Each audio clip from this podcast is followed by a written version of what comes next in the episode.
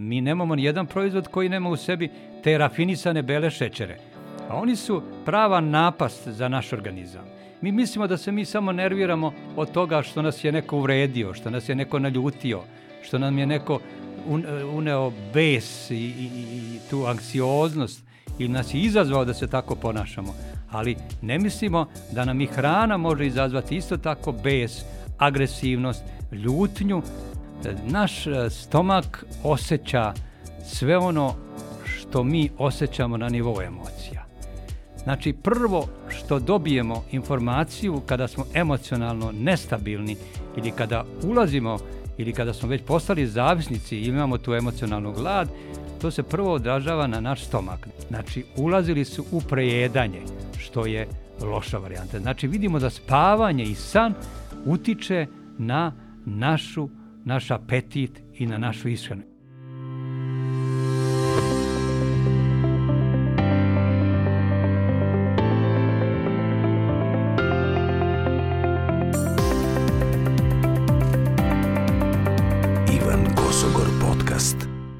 Profesore, koliko nam je još ostalo do mog, mog polaganja za, za ispit za medicinu? Mislim da zapravo mogu da branim svoju diplomu koliko smo snimili podcasta i definitivno o, ste prvi sagovornik u podcastu koji dobija svoju playlistu, zato što imamo toliko na YouTube-u snimaka da ovo zaslužuje jednu playlistu za sve one koji žele da nauče toliko toga o svom telu i zdravlju. Imaće jednu playlistu, imamo nekoliko sati u ovom trenutku snimljenih razgovora koji su zaista neprocenjivi. Ja gledam to i po komentarima ljudi ispod koji, je, to su mahom i neki vaši studenti i e, ljudi koji se uopšte ne bave medicinom, ali žele da nauče više o, o, o svom telu, o, o načinu života, da tako kažem. Ovaj, tako da, i vidim da obe strane razumeju ono o čemu se priča. Ja sam sebe uhvatio u nekoliko navrata u nekim drugim podcastima gde ne pričamo toliko sad recimo samo eto o zdravlju ili o hormonima ili o funkcionisanju mozga, ali se pomene kortizol i onda ja u svojoj glavi odmah imam sliku i tačno znam kako funkcioniše, šta utiče na njega, zašto se javlja, kako da se smirim, koji je to hormon, kako utiče na druge hormone i tako dalje. Tako da zaista hvala vam pre svega zbog promene koja se desila u mom životu, a onda ću da se zahvalim i u ime svih ljudi koji nas prate na, na nesebičnom delanju znanja. Obično završavam sa, sa zahvalnošću, ali ovog puta ćemo početi naš razgovor sa zahvalnošću. Dobrodošli.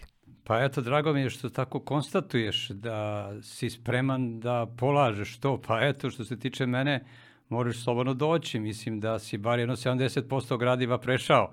Ono što, što se ovaj, kod, kod mene uči iz oblasti nutricionizma i preventivne medicine i siguran sam da bi opravdao sve ovo što si do sada radio i da bi to jednostavno lako i položio. Otud raduje me posebno i ovo što kažeš da je eto, ta lista e, dosta na, na visoko, visoko kotirana i vidim i po pregledu da, da je to zaista izvaredno, a komentari koji su prisutni su stvarno u najvećem broju slučajeva dobri i pozitivni i to je verovatno odraz naše dobre saradnje i našeg pravilnog pristupa da damo te informacije koje su, eto, kažem, važne i dobre za opštu populaciju. Kad smo snimili prvi 2019. godine, eh, krajem 2019. godine, sa, sa Emom, nakon snimanja sam išao sa Emom i kažem, rekao, bilo bi dobro kada bismo snimili mnogo podcasta. Tad, to je, tad uopšte nisam ni imao u planu da recimo radim uh, sa istim sagovornikom nekoliko podcasta. Uopšte nisam razmišljao da će u tom pravcu ići cela priča. I rekao sam kao kako bi bilo dobro da, da snimimo više. I evo nas danas, ovo je, ja mislim, sedmi, možda osmi, nisam siguran, ali sam siguran da se broju nekoliko sati materijala i da smo sada blizu skoro milion pregleda na svima ukupno, što je zaista, zaista ozbiljan, ozbiljan broj ljudi. Ovaj, današnja tema i te kako, i te kako važna i uh, ono što mi se dopada ono što, stvari, što bih želeo da dobijem danas i da saznam, jeste ta razlika između emocionalne gladi, između toga da li smo stvarno gladni, ali pre nego što uđemo u celu tu tematiku i povezanost gladi i emocija, nekako mi se čini da e, što smo savremeniji postali, što je što je smo više stvari prigrabili u našem životu, to smo izgubili veći kontakt sa sobom. Kako je došlo do toga da otežamo i skomplikujemo sebi toliko života da više čak nismo sigurni da li smo stvarno gladni ili imamo o, neki nemir koji nas tera da na neki način to prigušimo. Dakle, kako smo to sve iskomplikovali?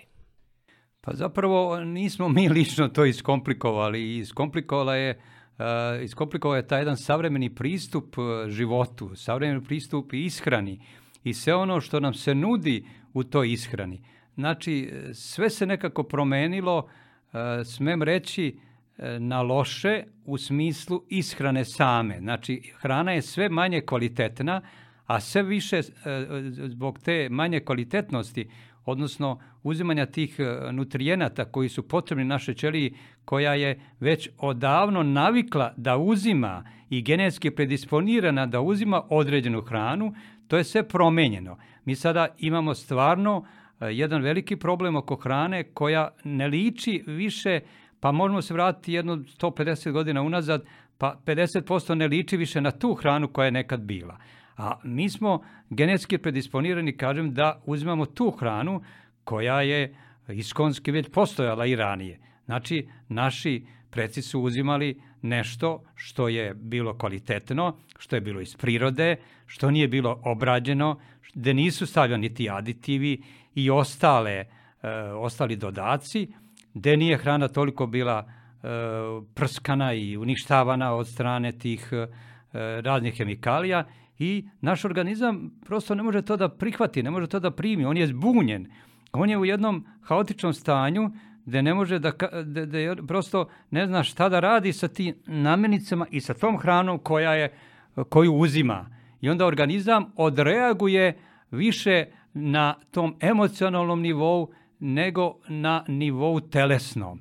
Jer ako nešto uzimamo kao hranu, moramo prvo zadovoljiti neki svoj emocionalni nivo. Znači, mi uzimamo hranu zato što imamo to, taj racionalno uzmane hrane, potrebe e, tela za hranom i određenim hranjivim sastojcima, ali potrebe i našeg uma za istim tim hranjivim sastojcima. Jer kako se hranimo telesno, tako se hranimo i umno. E sad, mislim da je najveći problem upravo na nivou uma, jer ova hrana koju sada uzmemo, ona dira u naše te umne, da kažem, sposobnosti koje bi trebali da imamo kao posljedica određene hrane i remeti rad naših, uh, ispoljavanje zapravo, bolje reći, tih emocija. Znači, kada deluje tako kako deluje, putem najpre aditiva koji se nalaze u hrani, oni apsolutno remete naš emocionalni odnos. I to je taj veliki problem da diramo stalno hranom u emocije. A kada hranom dirnemo emocije, onda počinjemo da se zbunjujemo i da se ponašamo drugačije nego kako bi trebali u odnosu na neku prirodnu hranu ili što manje obrađenu hranu ili onu hranu koja nije savremenog tipa, da tako kažem. To je taj problem. Znači, e, moramo se vratiti e, ipak koliko toliko, ako hoćemo da popravimo to stanje, da nekako počnemo da uzimamo hranu koja je stvarno predisponirana za naše telo. Koja bi to bila hrana? Opet moram da, da, da naglasim da bi to bila ona hrana koja će da obezbedi jedan e, telesnu potrebu naših ćelija, znači, a to je da sadrži dovoljno e, minerala, vitamina, aminokiselina, esencijalnih masnih kiselina, e, glukoze i da sadrži i ostale e, substance koji su neophodni za dobro održavanje i rad naših ćelija. A s jedne strane, znači i da održi razmnožavanje našeg ćelija na pravilnom jednom nivou.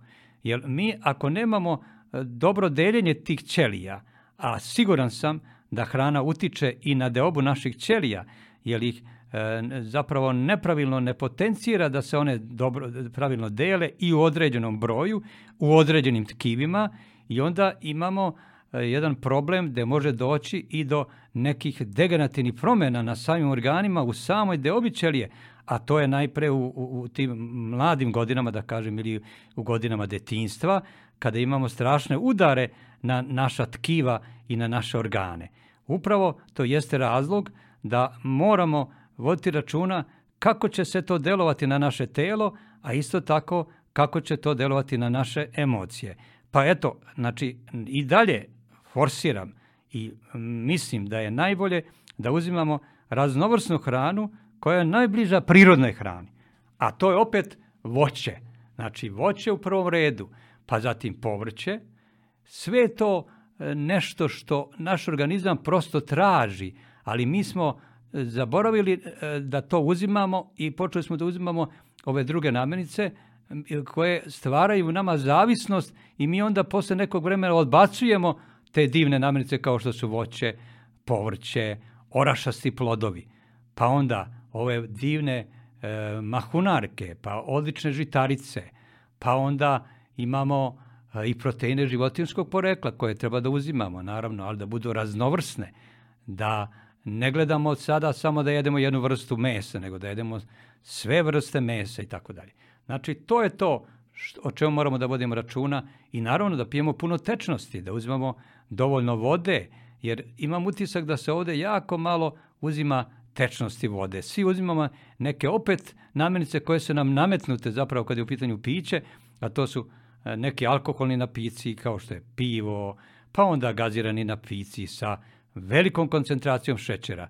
Imamo ogroman problem kod tih šećera. Oni su ubačeni nekih, hajde da kažem, možda e, u, u, u, jednom, u jednoj većoj koncentraciji u zadnjih 50, e, 70, pa eto do 100 godina.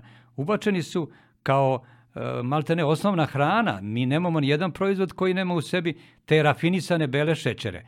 A oni su prava napast za naš organizam. Skoro da nemamo nikakve koristi od tih belih šećera. Ja sam to izučavao i proučavao razne studije kakva je korist od tih šećera za naše telo. Imamo li išta dobro u tome? Nemamo. Sve je upravo upereno protiv našeg organizma i na emocionalnom i na telesnom nivou kada uzmemo namirnice koje sadrže te rafinisane šećere. A puno ih imamo. Znači sve je prerađeno. To je taj problem. I morali bi stvarno da se okrenemo malo ako hoćemo da nemamo te emocionalne izazove. Mi mislimo da se mi samo nerviramo od toga što nas je neko uvredio, što nas je neko naljutio, što nam je neko uneo bes i, i, i tu anksioznost ili nas je izazvao da se tako ponašamo. Ali ne mislimo da nam i hrana može izazvati isto tako bes, agresivnost, ljutnju uh, i sve ostale te neprijatne emocije koje su uh, posljedica uzimanja određene hrane. I ne samo to, kada uzimamo takvu hranu, onda imamo i dugoročno neprijatne emocije i postajemo zavisnisti od te hrane. I ulazimo u jedan krug iz koga se posle teško izvlačimo i ulazimo i u neka druga stanja koja mogu biti koji mogu, mogu ozbiljno narušiti naše zdravlje, posebno zdravlje mladih.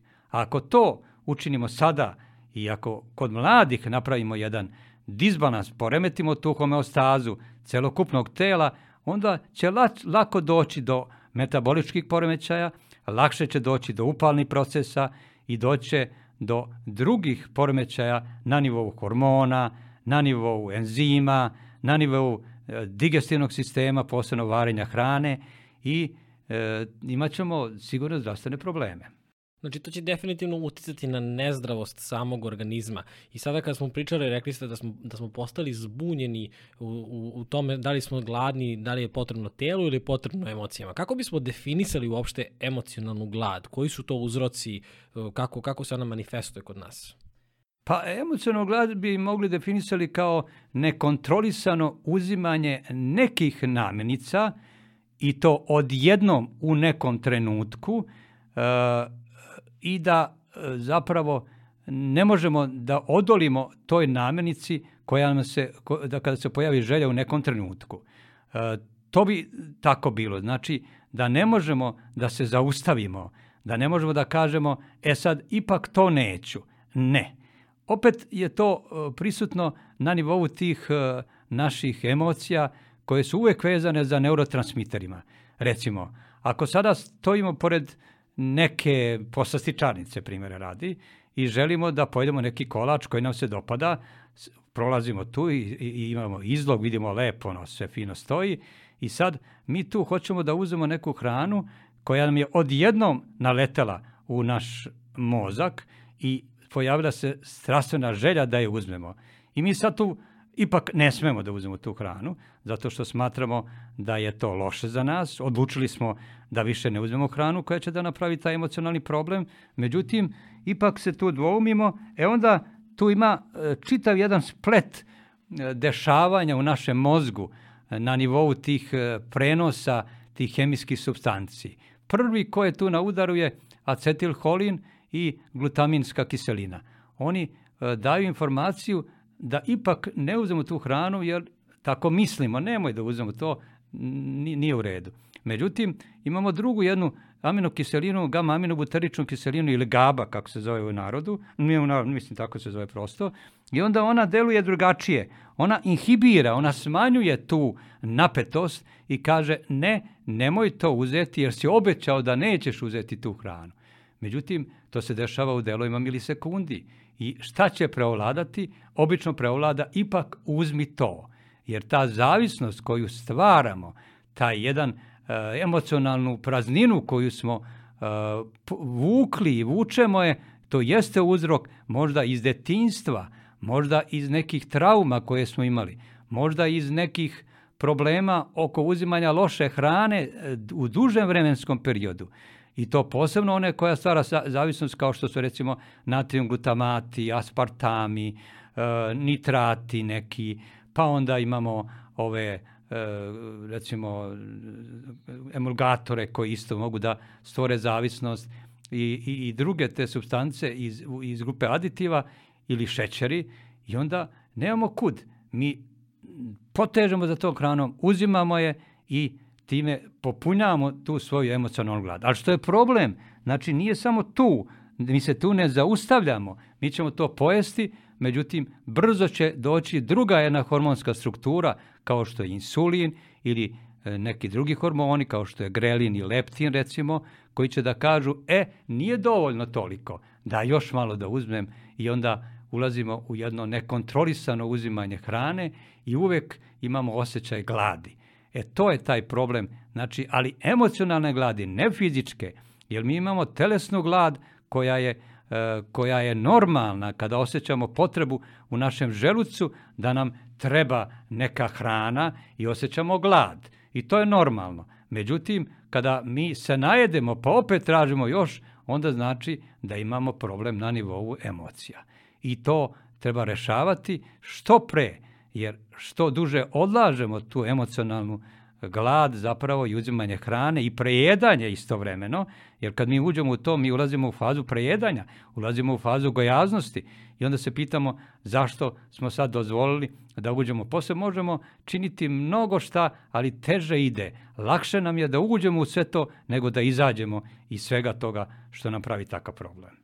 Plus, verujem da se uz emocionalnu glad i sad taj stalni krug, ponovo sam gladan, hoću još, hoću još, ide i onaj osjećaj konstantne krivice i samo kritike, eto, opet si uzeo, eto, opet sam napravio to, eto, i tako dalje, i tako dalje, što dovodi do disbalansa i što se tiče sa, samog našeg zdravlja, mentalnog zdravlja, prosto našeg pristupa životu i samim tim se to onda oslikava, pretpostavljam i na sve druge sve druge, sva druga polja u životu. Kako onda prestati sa tim? Koji je to način da, da sada kada se prepoznajemo u ome i vidim, ej, čak i kad ne osjećam sitost, razmišljam o hrani i hoću taj, to slatko, a znam da mi ne treba i znam da ću da se kajem, ali opet to radim iznova i iznova i to je neki model kojim funkcionišem. Kako prestati sa, sa emotivnim, emocionalnim prejedanjem? Pa to je tačno što, što si konstatovao. Znači, kada mi uh, uđemo u to, uh, te, teško se izvlačimo iz toga, ali prvo moramo da uključimo uh, opet neke svoje elemente koji su vezani za naše emocije. Da se pitamo koje su te emocije koje nam izazivaju takvu potrebu za uzimanjem hrane. Znači, šta je to što mi sada imamo emocionalno kao jedan, tačno je, dobro si rekao, osjećaj krivice. Osjećaj krivice može da bude jako kidač za dodatno uzimanje hrane.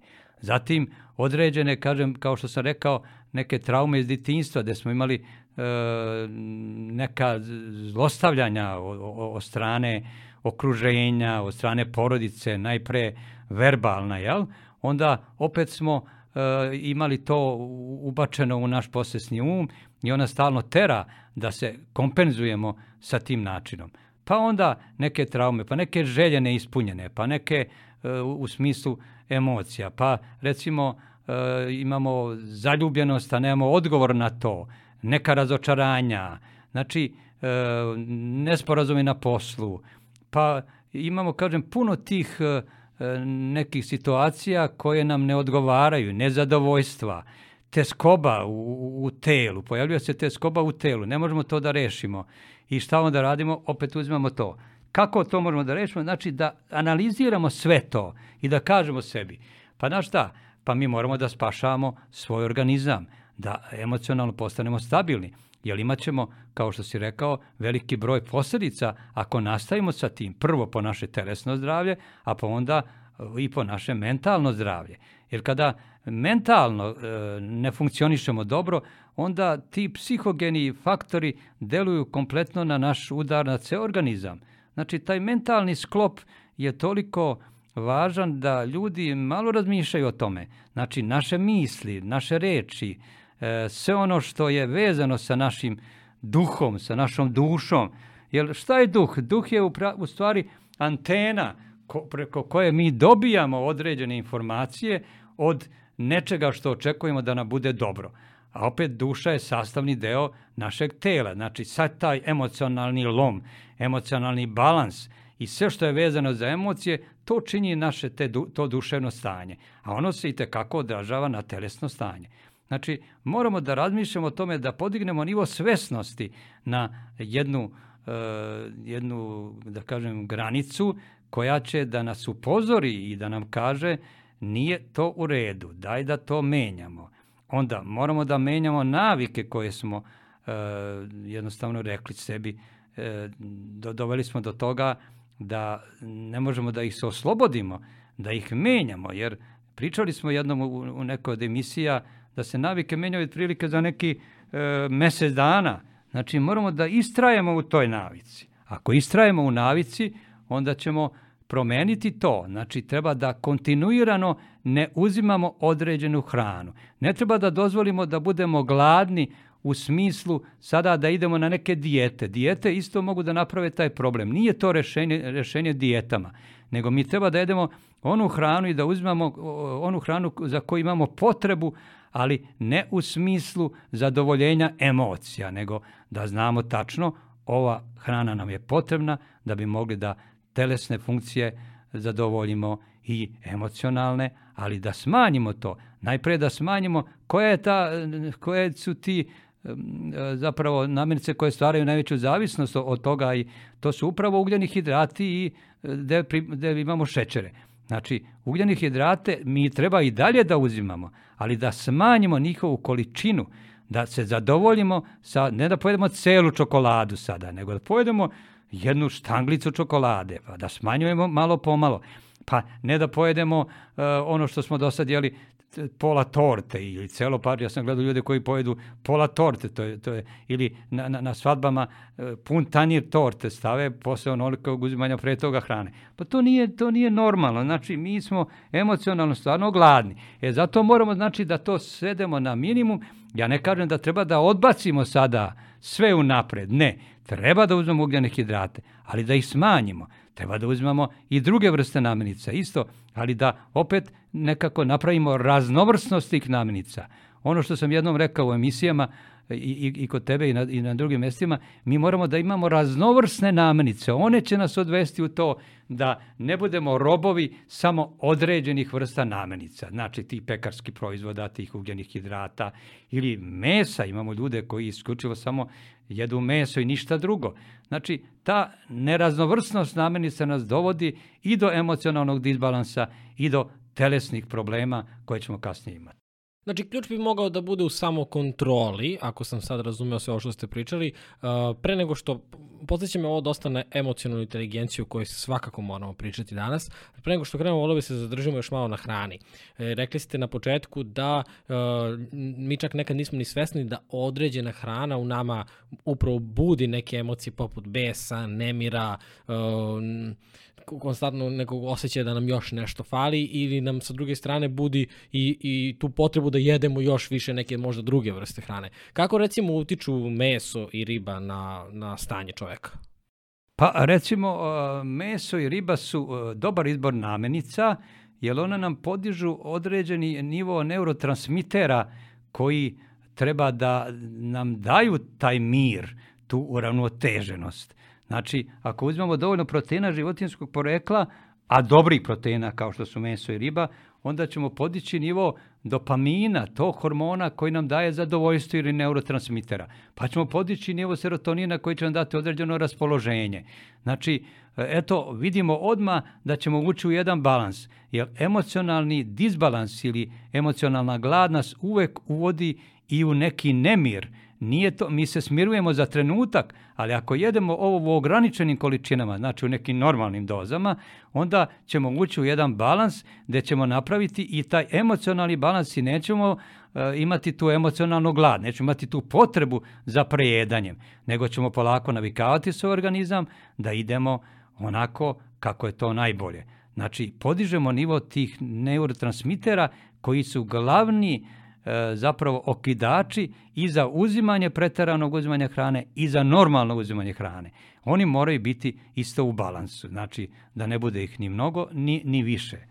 Tako da meso odlično utiče na to, proteini izgrađuju naše ćelije, izgrađuju naš organizam, izgrađuju, stvaraju te aminokiseline i one su ključne da nam podignu nivo somatotropina, hormona rasta, koji će da pravilno deluje na rad naših ćelija, da podiže nivo tih endotelnih ćelija i da ugrađuje aminokiseline u sve strukture naših tkiva koja će da se lepo razvijaju. Posebno govorim o mladim koji i najveći problem imaju po pitanju emocionalne gladi. Pa i neki čak deca od 11-12 godina ulaze u, takve, u takva stanja.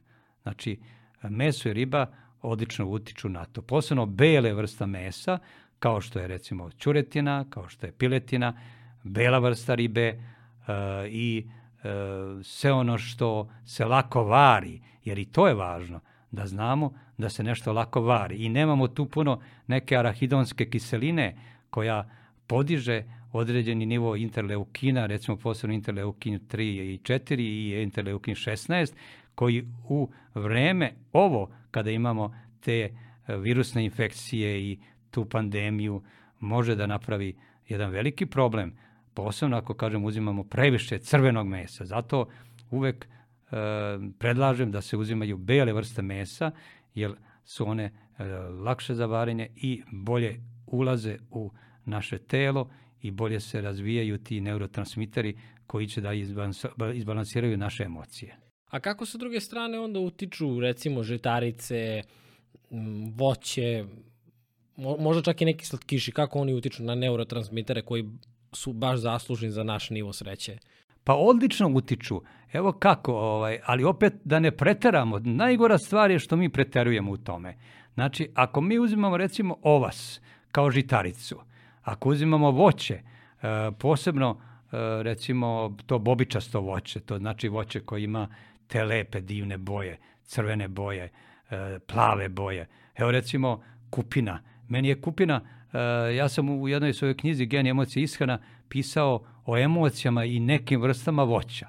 Pa recimo, Kupina podiže nivo samopouzdanja, Kupina podiže nivo borbe za nečim što je dobro, podiže nam nivo te uh, voljnosti, znači da budemo, da imamo volju da nešto radimo. A zašto je to tako? Pa zato što kupina se, teško se dolazi do nje. E, ja sam brao sam kupinu, Pa kad god priđem tamo ona bocna, ima one bolje, pa bode, ako je zelena ne može teško da se otkine, znači mora biti zrela. kao da nam kupina i kažem, jako je teško doći do nje, kao i eto nama muškarcima doći do neke dobre i, i, i fine i, i, lepe osobe, jel?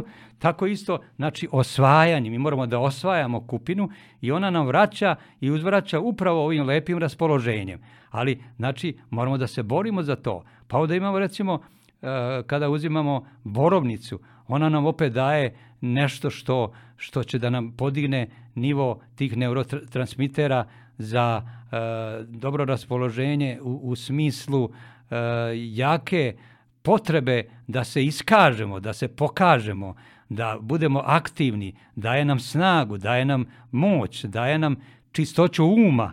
Recimo, to čini isto borovnica. Pa onda jabuka koja, recimo, ako smo ako nas neko ne prihvata u društvu, ako je neko ljubomoran na nas, prosto rečeno, ako neko ne daje nam podršku, a očekujemo tu podršku posebno iz porodice, vidimo da će jabuka pomoći u tome. Jedna, dve jabuke, odmah ćemo se osjetiti mi bolje, jako nam ne daju podršku ti iz okruženja. Znači, to, to je nauka, e, ima puno tih nauka, naučnih stvari koje se u zadnje vreme e, dosta tako potenciraju kao i neke boje, pa čak i boje od voća znaju da imaju svoj uticaj, ali evo recimo znači to voće koje uzimamo ono je odlično i daje nam e, određenu snagu, znači i ima puno u, se, u sebi ugljenih hidrata koji se lepo razlažu, imaju nizak glikemijski indeks, znači ne opterećuju mnogo insulin, ne opterećuju mnogo pankreas da se on aktivira.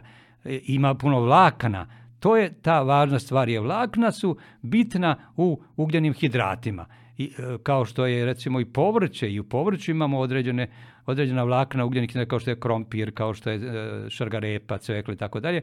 Ali, znači, ovo utiče fenomenalno, ali ne u velikim količinama. Znači, ne smemo postati zavisnici od ugljenih hidrata kao što su hleb, E, recimo beli hleb ili one kifle i tako dalje. Ali ako uzmemo nekim umerenim količinama, to će da, dobro biti i moramo da ih uzimamo. Jer ako ih ne uzimamo, onda će imati druge probleme. Jer oni podižu nivo našeg serotonina, jer ti, mi recimo, kao što rekao u žitaricama, imamo tog triptofana iz koga nastaje serotonin, a onda iz serotonina opet preko nekih enzima nastaje melatonin, pa iz toga nastaje opet nastaju neki drugi hormoni, pa imamo i nivo dopamina koji je podignut. Do, dopamin nam daje snagu, daje zadovoljstvo, daje volju i tako dalje. Znači, nagrađuje nas. Znači, ako uzmemo voće i povrće ili ugnjane hidrate, e, kao što su hleb ili e, neke vrste drugih žitarica, onda možemo osetiti da ćemo se bolje osjećati i da ćemo uspostaviti jednu ravnotežu, ali kažem, u ograničenim količinama malo, malo, ne preterivati. E, ima jedna divna latinska koja kaže pauca sed bona, malo je dobro. To mi se mnogo dopada. Tako da uzimajmo to, ali ne u pretaranim količinama. Ovo je baš dobra latinska. Ja, ja sam nešto slično čuo da je malo je uvek više i da je kao, je li tako jeste? Da? Ovaj, to je jako zanimljivo i koliko zapravo čak nekad nismo ni svesni da, da reagujemo iz tog našeg emotivnog i želimo mnogo više za nas, a zapravo nam je to malo sasvim dovoljno taman onoliko koliko nama treba. Sve vreme dok sad pričamo, pričamo o tome kako je hrana povezana s našim emocijama. Hrana ide u naš stomak, što implicira, odnosno dovodi do toga da je naš stomak emocionalni organ. Tako je. E, emocionalni, baš tako. Naš e, stomak osjeća sve ono što mi osjećamo na nivou emocija. Znači, prvo što dobijemo informaciju kada smo emocionalno nestabilni ili kada ulazimo ili kada smo već postali zavisnici ili imamo tu emocionalnu glad, to se prvo odražava na naš stomak. Znači, tu se pojavljuju kao god kod zaljubljenosti. Tako se pojavljaju i ti leptirići kada nemamo hranu ili kada osjećamo neku potrebu za hranom i onda e, stomak prvo alarmira. Zašto? Zato što i tu imamo određene, da kažem, peptide ili polipeptide i hormone koji se nalaze u našem digestivnom sistemu. I oni su stalno u vezu sa centralnim nervnim sistemom. I ti hormoni koji nam E, daju informaciju Da li smo siti ili smo gladni, kao što su leptin, hormon sitosti, i grelin, hormon gladi, pa onda imamo tu e, i e, gastrin, pa imamo i neki PY, Y3, 36, pa onda imamo i e, još neke hormone koji su u digestivnom sistemu, da ih sada ne nabrajamo, da ne opterećujemo gledalce. E, znači, oni svi balansiraju i tačno daju informaciju. E, sad sam gladan, daj, sad ću biti izlučiti onoliku količinu koja će da kaže gladan si i jedi. Ali ako mi preteramo sa tim, znači ako mi uzmemo hranu koja ne ume, koja će da blokira leptin i grelin, znači taj hormon sitosti i gladi, onda ćemo ući u jedan drugi problem. Znači, taj digestivni sistem luči serotonin. Serotonin je hormon lepog osjećanja. Znači, mi imamo negde oko 80% serotonina u našem digestivnom sistemu. On se tu stvara, ali imamo ga i u mozgu. E sad, ta saradnja postoji u svakom slučaju. Znači, serotonin je taj koji isto daje informaciju da treba da uzemo neku hranu. Ali ako je to u balansu, ako tačno se izluči onolika količina leptina koja će da zadovolje naše potrebe u zavisnosti od naših aktivnosti, onda ćemo mi pojesti onoliko hrane i reći ćemo dosta, sada je sitos. Leptin je rekao gotovo je, nema potrebe više, siti ste, ne uzimajte više hrane. Ili grelin koji će da kaže on je opet za apetit, on je za glad. Međutim, šta je problem kod grelina? Kod grelina je problem što on se stalno javlja kad nešto jedemo. Znači, grickanje u toku dana je veliki problem. Znači, mi pojedemo nešto i to nismo zadovoljni dovoljno glad. I onda evo grelina opet raste. I on podigne nivo i kaže, e, uzimite još. I onda te grickalice su najopasnije. I mi stalno uzimamo pomalo, a onda grelin opet raste i opet i tako dalje. Ali to dolazi iz centralnog nervnog sistema i leptin i grelin su vezani za naš hipotalamus. I on, zapravo, leptin se stvara u masnom tkivu, grelin u želucu, zidovima želuca i onda oni reaguju direktno preko hipotalamusa i daju informaciju šta dalje uraditi. Dakle, to je taj problem. Znači, ti hormoni i taj disbalans je e, najvažniji u našem telu. Dalje, u našem želu, u našim crevima imamo mikrobiom. Mikrobiom deluje fenomenalno e, na izbor hrane, deluje e, na to da li ćemo uzimati opet određenu hranu koja je loša ili koja je dobra. Ako smo mi naš bi, bi, mikrobiom, to su bakterije koje se nalaze znači, u našim crevima, ako smo mi snabdjeli njih sa, e, ako je naš bio, bio on loš, onda, će, onda ćemo tražiti onu hranu koja je i loša hranu koja je toksična, jer hranimo one bakterije koje su loše. Zapravo, dobre bakterije i dobar mikrobiom nam određuje da li ćemo ući isto u emocionalnu glad ili nećemo. Ako je, kažem, dobar, onda će on davati takvu informaciju našim neurotransmiterima i našim e, tim e, emocijama da ne ulazimo u zavisnost i u prejedanje, nego ćemo imati dobar balans. Ko hrani mikrobiom? Hrane vlakna hrani dobra hrana, hrani voće, povrće i sve ovo o čemu smo pričali, to je loša hrana. Ko hrani loše bakterije? Prerađena hrana, hrana koja ima puno toksnih materijala, hrana koja ima puno žive, teških metala, aluminijuma, kadmijuma i svega ostalog. I otud tačno možemo vidjeti ako ulazimo u zavisnost od neke hrane, onda je tu važan taj naš mikrobiom on je u krajnjem slučaju i proizvodi određene bakterije i proizvodi imune ćelije dobre i tako dalje. Znači, digestivni sistem i kako utiče na rad našeg, e, naših e, organa i naših emocija i izaziva ovakve ili onakve emocije, prijatne ili neprijatne. I to je sve povezano. Znači, 95% grubo rečeno hrane kojom smo okruženi je hrana koja nije dobra za nas i koja će negativno uticati na naš mikrobiom, samim tim i na naše emocije. Čak i ako se recimo ono kad pojedeš nešto slatko, kad pojedeš celu čokoladu, niko nije tužan 5 minuta nakon što je pojeo celu čokoladu. Ta, ta tuga uslovno rečeno i ta samokritika kreću kasnije, ne, nakon nekog vremena, što znači da je kratkoročno možda zadovoljstvo postoji u tom prejedanju, ali sa druge strane na dugoročnom na drugo, dugoročno gledano to je pogubno za naš organizam i za naše zdravlje. Koji su još hormoni koji su važni da se spomenu kada je u pitanju, kada je u pitanju emocionalna glad? Pa mi imamo tu ovaj, i hormone koji se koji nisu direktno vezani za naš za glad, ali su vezani indirektno preko metaboličkih procesa. Najpre hormoni štitaste žlezde, znači koji utiču da to, zatim insulin koji je ključan u našem telu za e, angažuje se i kad ulaze proteini, i kad ulaze šećeri, ugljeni hidrati, i kad ulaze masnoći i tako dalje. Zatim e, kortizol recimo je uvek vezan, jer ako je visok nivo kortizola, on nam podiže nivo ovih drugih hormona, insulina i ostalih hormona. Pa onda imamo pregnenolon, jedan od prvih hormona koji nastaje kao steroidni hormon, nastaje iz holesterola, koji se redko spominje, ali on utiče isto na, na, na, na našu glad i na, i, na, i na sitost.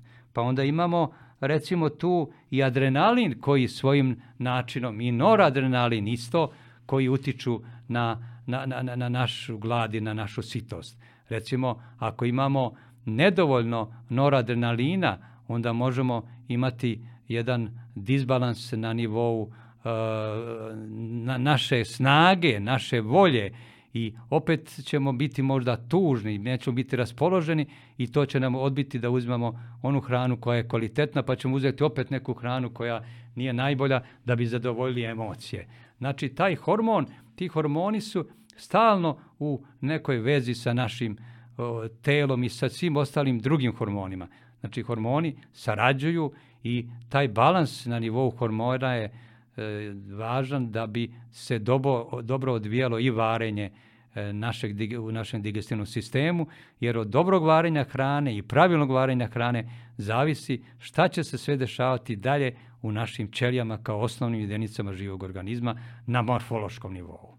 Već smo pričali u jednom podcastu detaljno o varenju, tako da preporučujem ljudima koji sada ovo slušaju ili gledaju da ako ih zanima dublje ova tema, da definitivno poslušaju, zato što će im uh, biti svedano sve ono što ja verujem da se uči po nekoliko semestra na, na medicinskom fakultetu, bit će im jako jasno i precizno šta se dešava u njihovom organizmu i zašto treba da vode više računa. Mislim da kao uh, informacija postoji, ovo nisu sada ne, neke, neka otkrivanja nečega potpuno novog u svetu. Ljudi znaju ovo, ali s obzirom da ne primenjuju, to se zadržava na nivou informacija, ne na nivou znanja. Znate, pričali smo i pre, pre emisije sa kakve ja ljude želim da dovedem u podcast, sa kakvim ljudima ja želim da pričam. Ja želim da pričam sa ljudima koji znaju i koji primenjuju to znanje. Tako da, jako, jako važan podcast o, o varenju. Šta sve osim hrane o kojoj smo sada pričali utiče na našu uh, na našu emocionalnu glad, da tako kažem, i sa druge strane šta to može da nam pomogne da suzbijemo tu emocionalnu glad. Pa pored hrane imamo jak uticaj spavanja. O, o tome smo govorili u jednoj emisiji. Znači, san je važan zato što e, kada dovoljno spavamo, mi onda imamo aktivaciju tog grelina i leptina o kojima smo govorili imamo, e, rađena su recimo istraživanja kada su ljudi malo spavali, recimo dve grupe su podeljene u, u, po, po pet sati neki desetak ljudi normalnog zdravlja, srednjih godina, uzimali su istu hranu, uzimali su, imali su istu fizičku aktivnost i e, praćeni su 7 dana, oni koji spavali 8 sati, oni koji spavali 5 sati. Svi oni koji su spavali 5 sati imali su podignut nivo e, onih hormona koji su izazivali glad, znači leptina. Dakle, on se dizao, a, smanji, a, a isto se tako podizao nivo i grelina. Znači, ti hormoni su došli u disbalans i oni su jeli više. Znači, ulazili su u prejedanje, što je loša varijanta. Znači, vidimo da spavanje i san utiče na našu, naš apetit i na našu ishranu. I dobija su, dobijali su i na telesnoj težini. Oni ljudi koji su isto tako spavali manje, imali su aktivnost takozvanih e, recimo e, nekih opet substanci koje se nalaze u našem telu koje aktiviraju povećani unos hrane. To su neke substance koje su slične e, recimo nekim čak i opijatima i tako dalje. i onda su uzimali opet veću količinu hrane. Znači, svi oni koji su spavali manje, dobijali su i na telesnoj težini i dobijali su više kalorija.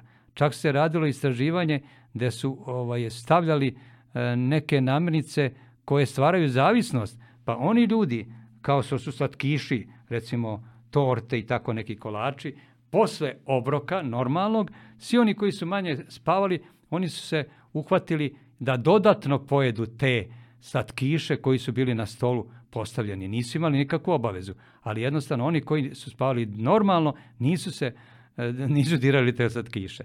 Znači vidimo da spavanje i kako utiče na e, emocionalnu glad i utiče na jedan taj e, balans e, i može da pomogne i kod emocionalne, znači emocionalnih problema na, kad je glad u pitanju.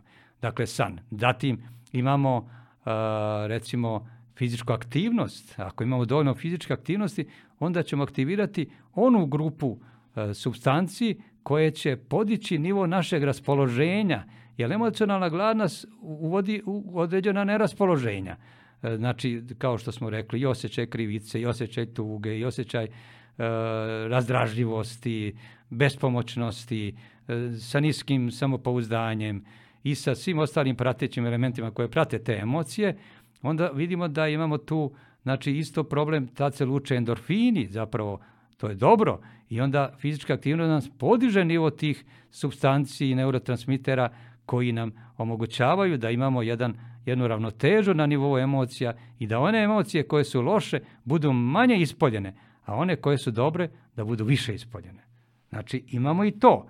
Pa imamo tu i e, recimo e, taj emocionalni odnos se poboljšava. Znači te emocije dovodimo u jedan dobar balans i sve to zajedno utiče. Znači i fizička aktivnost, i spavanje, i dobar izbor hrane, i E, sve ostalo što je dobro, e, zapravo što stvara dobre navike u našem organizmu, ono će biti od pomoći da imamo i da se oslobodimo tih emocionalnih e, gladi putem loših emocija.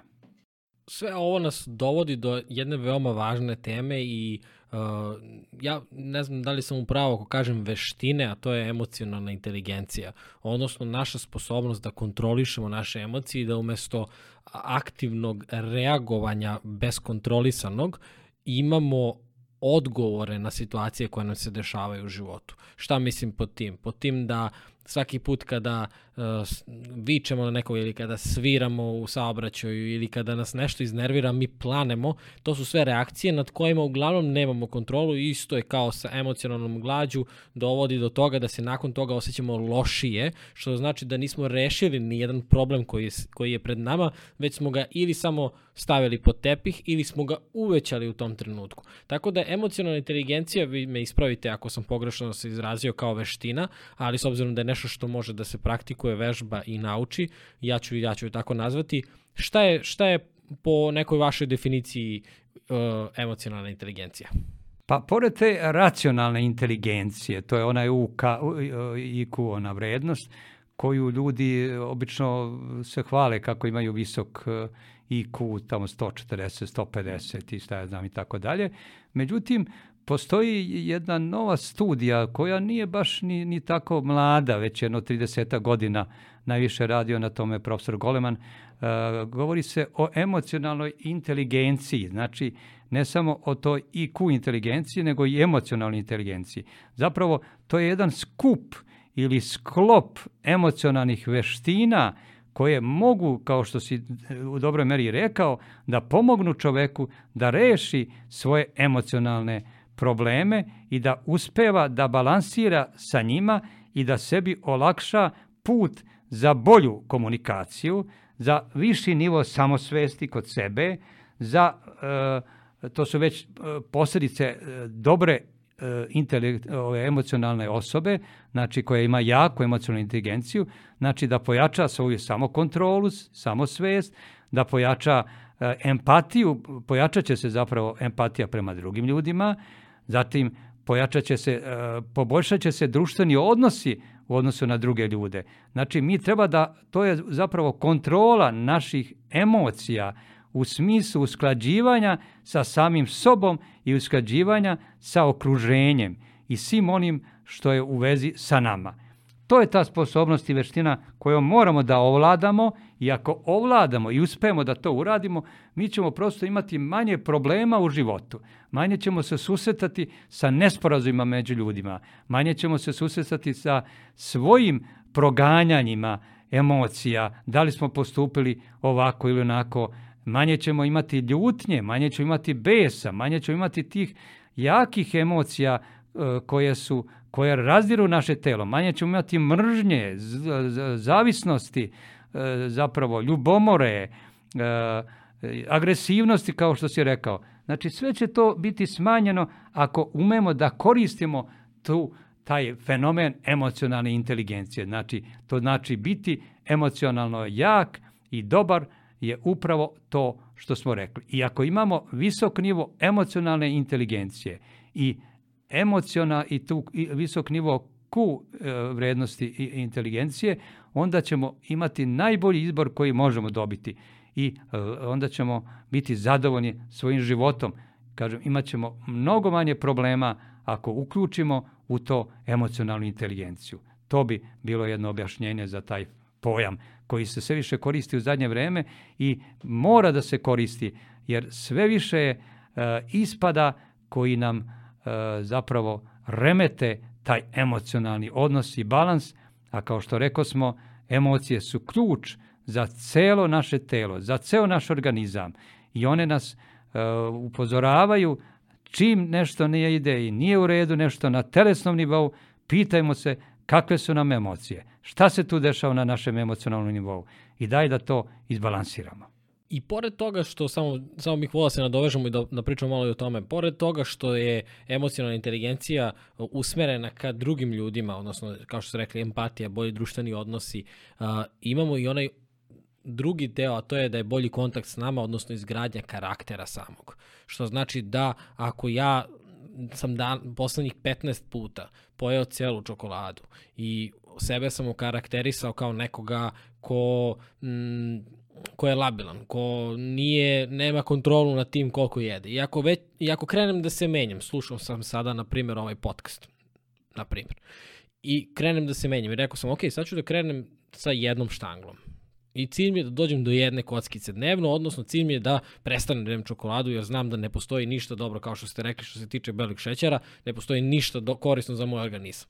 Ja, ako se posle nekoliko meseci dovedem do toga da ne jedem više čokoladu, na primjer, ja sam time izgradio i svoj karakter, odnosno ja sam postao osoba koja može da kaže ne stvarima za koje znam da nisu dobre za mene. I ta emocionalna inteligencija je višestruko korisna kada je, kada, kada pogledamo iz, ovo, iz ovoliko ugla, kao što ste vi sad ovo rekli, i ta izgradnja karaktera. Pa tako je, mi inteligenciju prenosimo i nasledno, određeni deo, znači inteligencije prenosimo, ali isto tako prenosimo u maloj meri i neki karakter, znači rađanjem. Znači, dete nije tabula raza, znači nije neispisana tabla. Dete se rađa već sa određenom predispozicijom kakva će mu biti karakterne crte.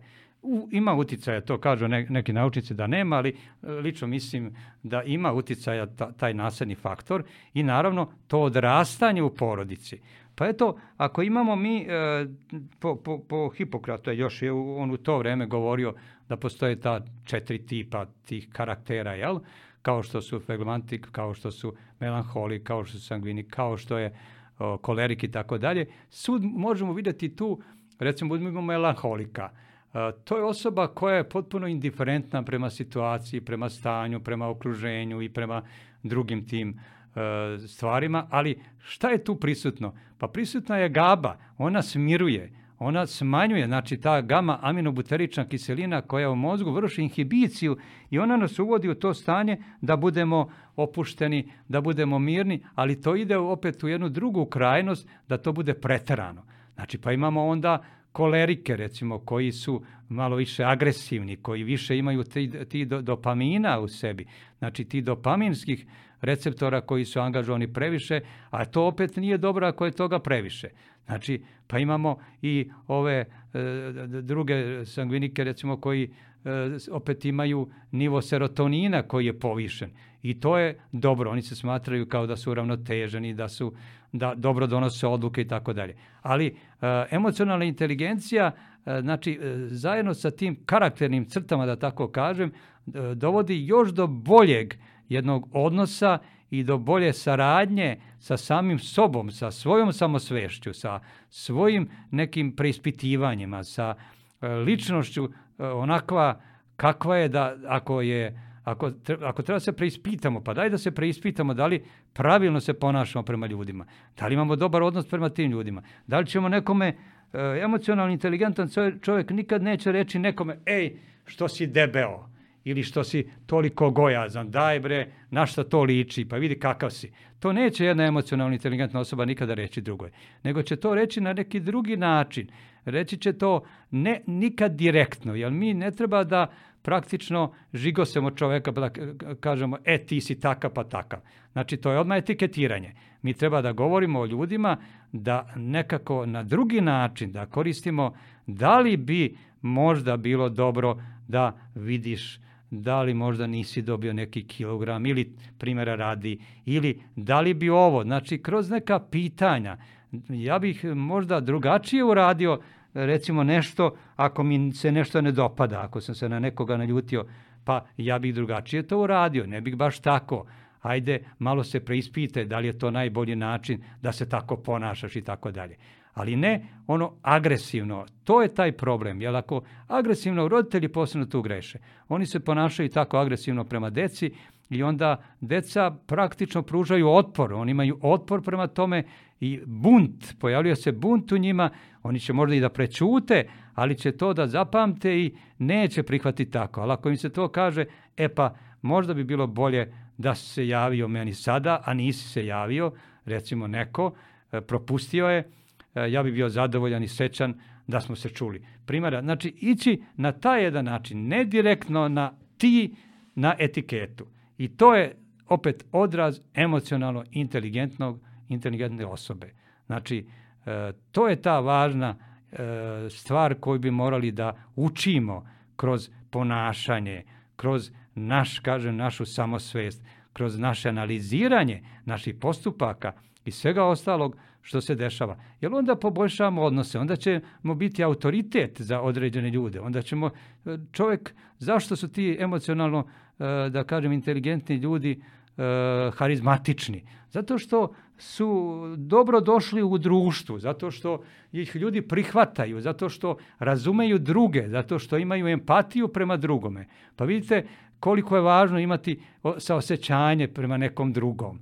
Tu su žene malo bolje, one verovatno to u genetskom materijalu imaju taj osjećaj da budu empatičnije, zato su one i više prisutne kao medicinske sestre i tako u, u zdravstveni radnici ili da pomognu kod starih osoba ili bolesnih i tako da.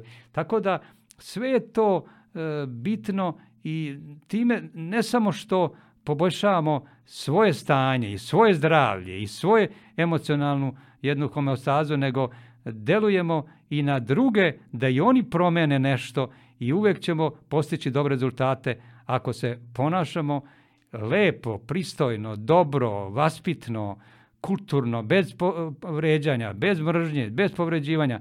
I naravno, podizat ćemo uvek taj oksitocin, naš divan hormon koji je u glavi prisutan, u našoj hipofizi se luči i on će uvek biti prisutan u toj meri da nam da dobro raspoloženje i da nas drži u ljubavi, u miru, u toj, kažem, smem reći, i, i, i Božjoj poruci, budimo u miru i radujmo se životu, povećamo ćemo nivo radosti i u teškim vremenima ima, imat ćemo više tih lepih i prijatnih emocija i to je dobro za naše zdravlje ukupno.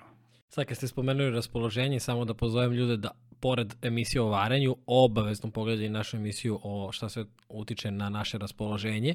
A, potpuno se slažem s vama i dobra vest je da se a, sve ovo može naučiti i da se naša ponašanja mogu promeniti, baš kao što se može promeniti naša navika, tako se menja i celokupno naše ponašanje i naše reagovanje i jako je važno a, sve više pričati o emocionalnoj inteligenciji zato što a, onog trenutka kada o nečemu pričamo to postane vidljivo nama, a ono što nam je vidljivo može postati naš cilj. Tako da sam taj fokus treba usmeriti ka tome i uhvatiti sebe u nekim situacijama u kojima možda reagujemo i kao šta bi bio bolji odgovor sada, jer je definitivno korisno i za nas i za ljude oko nas. Vi ste o svemu tome pričali, ja volim u svakom našem razgovoru da spomenem i knjigu Kako telo dobija i gubi energiju i da kažem da je ovo obavezna knjiga za vašu biblioteku. Ukoliko volite da čitate knjige, ovo je definitivno jedna od najvažnijih knjiga koje ćete pročitati ikada. Kao što uvek kažem, redovno joj se vraćam. U njoj se nalaze i recepti, nalaze se pregršt informacija koje možete pretvoriti u znanje ukoliko ih iskoristite. Ovo nije nešto što se mi dogovaramo da ja kažem, ja ovo zaista govorim sveg srca i ne samo u podcastu, kada god me neko pita koju knjigu bih preporučio vezano za zdravlje, vezano za, pa čak i za neku vrstu promene navika, čak i za neki pristup sebi, ova knjiga definitivno ulazi sa, svećate se, to sam vam rekao i prvi put kada smo pričali, sa svih strana ste uh, opkolili po znacima navoda uh, čoveka i sa emotivne strane i sa zdravstvene i ishrana i uh, okruženje i karijera, apsolutno sve ste objedinili što se tiče ove knjige kada je u pitanju naše mentalno i fizičko zdravlje, stvarno svaka čast. Preporučujem, uh, knjiga je u knjižarama, to uglavnom vidim, pa, uglavnom, ne znam da li da. se, vi ste mi sad rekli da se nešto dešava, ali ja se nadam da će nastaviti da se štampa, definitivno ima mnogo razloga za to. Koji bi neki bio recept za kraj, profesore, što se tiče našeg današnjeg druženja? Pa evo, recept bi bio, kao što se spomenuo u toj knjizi, dosta sam govorio o tome, zavolimo sebe. To je ključno da e, mislimo o sebi i da zavolimo sebe, e, osjećam i primećujem da veliki broj ljudi zapravo nekako ne vode računa o sebi. To znači zavoleti sebe. Zavoleti sebe ne znači biti narcisoidan pa misliti da sam samo ja, pa ja i niko drugi, da, sa ja, da ja sve znam. Ali da zavolimo sebe, znači da zavolimo svoje emocije, da zavolimo svoje telo, da volimo sebe ovakvi kakvi smo, promenimo sebe ako nismo zadovoljni sobom u nekoj meri, ako zapazimo nešto i analiziramo da to nije dobro, promenimo to. Kao što si rekao, znači ovo možemo i da menjamo u toku, nema e, granica, nema vremenskog razdoblja kada ne možemo da promenimo sebe i u onim starim godinama. I u 80. ljudi menjaju sebe. To je nešto fenomenalno koliko su ljudi zadovoljni kada promene i zapaze. Važno je zapaziti, važno je e, čuti sebe, važno je osetiti tu intuiciju koja je isto tako koja se nalazi u našem stomaku, ta intuicija u našem mozgu, osjećanja, kontrolisati naše osjećanja. To poručujem gledalcima, da znači prave te razlike između ovakvog i onakvog ponašanja.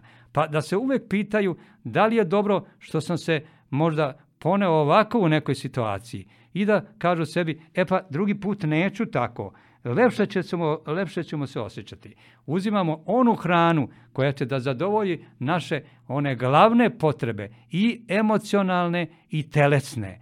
A govorili smo o tome šta je. Znači imajmo fizičku aktivnost obavezno jer ona će nam podići nivo samosvesti, podiće nivo tih lepih osjećanja. Spavajmo dovoljno jer ako spavamo dovoljno, opet ćemo imati znači, taj jedan balans i sve to zajedno učinit će nas srećnim i zadovoljnim, bez obzira kako je vreme, bez obzira kako je okruženje, pa bar ćemo poboljšati naše stanje i mentalno i fizičko. Znači, radimo na tome, bez obzira na godine, da li smo, naravno, sa decom treba raditi, roditelji treba da rade sa decom, da ih upućuju u takve stvari, da e, vole sebe u dobroj meri, da ih upućuju u onim smernicama, da im daju one smernice koje će da podignu njihovo samopouzdanje, njihovu samosvest, da sutra kada odrastu imaju što manje problema i da budu samostalni, da nauče deca i šta je teškoća i šta je lepo, a ne samo da ih učimo lepim stvarima i lakoćom da dođu do bilo čega. Znači, moramo decu naučiti da prolaze i kroz teške situacije i da ih namerno nekad postavimo u takvu situaciju da osete težinu i da bi vrednovali ono što urade, znači da se podigne nivo vrednosti, da deca osete šta je to vredno što su uradili i učinili. I to će podići njihov nivo i sve ostalo, da imamo dobre odnose sa decom, sa našim roditeljima i sa roditeljima e, od, od naše dece, sa bakama, sa dekama i ostalima. Znači, to je ključna stvar. Ako sve to postignemo, pa siguran sam da ćemo imati bolje zdravlje i duže zdravlje i kvalitetnije zdravlje. Nije nama bitno da imamo zdravlje sa kojim ćemo piti lekove 20-30 godina i da ono životarimo, nego da imamo zdravlje gde ćemo biti sa pune elana, sa što manje lekova, ali sa što više ovih preventivnih stvari koje će nam smanjiti nivo uzimanja sintetičkih preparata i svega ostalo. Nisam protiv toga da neko misli sad da ja sam protiv lekova ili protiv nečega što je neophodno u nekim situacijama, ali dajmo prednost prevenciji, preventivnim merama i sigurno ćemo imati bolje zdravlje i dugovečnost. Ovo je predivno i samo bih se osvrnuo na početak uh, vaše poruke za kraj, kada ste rekli da to nije narcis, narcis jedno. Uh, priča o narcisu je pogrešno shvaćena i ja mnogo volim kada, kad god mi neko kaže ti kažeš voliš sebe, to je narcis. Narcis nije volao sebe, narcis je volao svoju lepotu. Narcis kad je ostario i kada se video u jezeru se ubio, zato što je video da je ostario i da više nije lep, da je postao ružan. Tako što znači da on nije volao sebe. Da više ne mešamo babe i žabe, ja sad preuzimam odgovornost na sebe sebe, da se ta priča promeni, da se iskoreni sa povezanošću između voleti sebe znači upravo sve ovo što ste rekli, voditi brigu o sebi, raditi stvari za koje znaš da su dobre za tebe, za tvoje biće, za tvoje telo, a ne voleti sebe u smislu ja sam najbitniji, ja sam šta god. Znači to uopšte da se, prosto ja ne mogu da verujem da mi moramo da objašnjavamo to, ali toliko puta sam e, čuo da, da ljudi pomisle, a ti si narcis, kažeš da voliš sebe, pa čoveče, razmisli malo šta, je, šta znači šta kada pričaš. Tako da, hvala vam stvarno, ovo je fantastičan razgovor, kao i svaki do sada, nadam se da ste i vi uživali.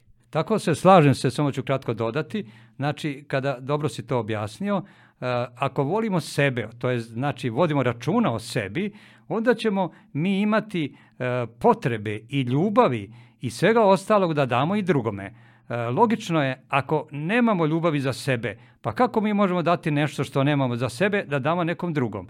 To je potpuno opravdano i otud kažem voleti sebe, znači i sebe i drugoga voleti, ne samo voleti sebe. Onda ćemo biti ispunjeni maksimalno i to je onda kompletna ljubav za sebe i za druge. Hvala vam puno na ovom razgovoru. Hvala puno i svima vama koji ste gledali i slušali. Ako ste prvi put na ovom YouTube kanalu, imate celu playlistu nekoliko razgovora sa profesorom. Takođe, najbolji način da nas podržite jeste da nas zapratite na ovom YouTube kanalu. Drugi najbolji način su PayPal i jednokratne donacije. Hvala puno svima vama, kao i Patreon na kome nas podržavate.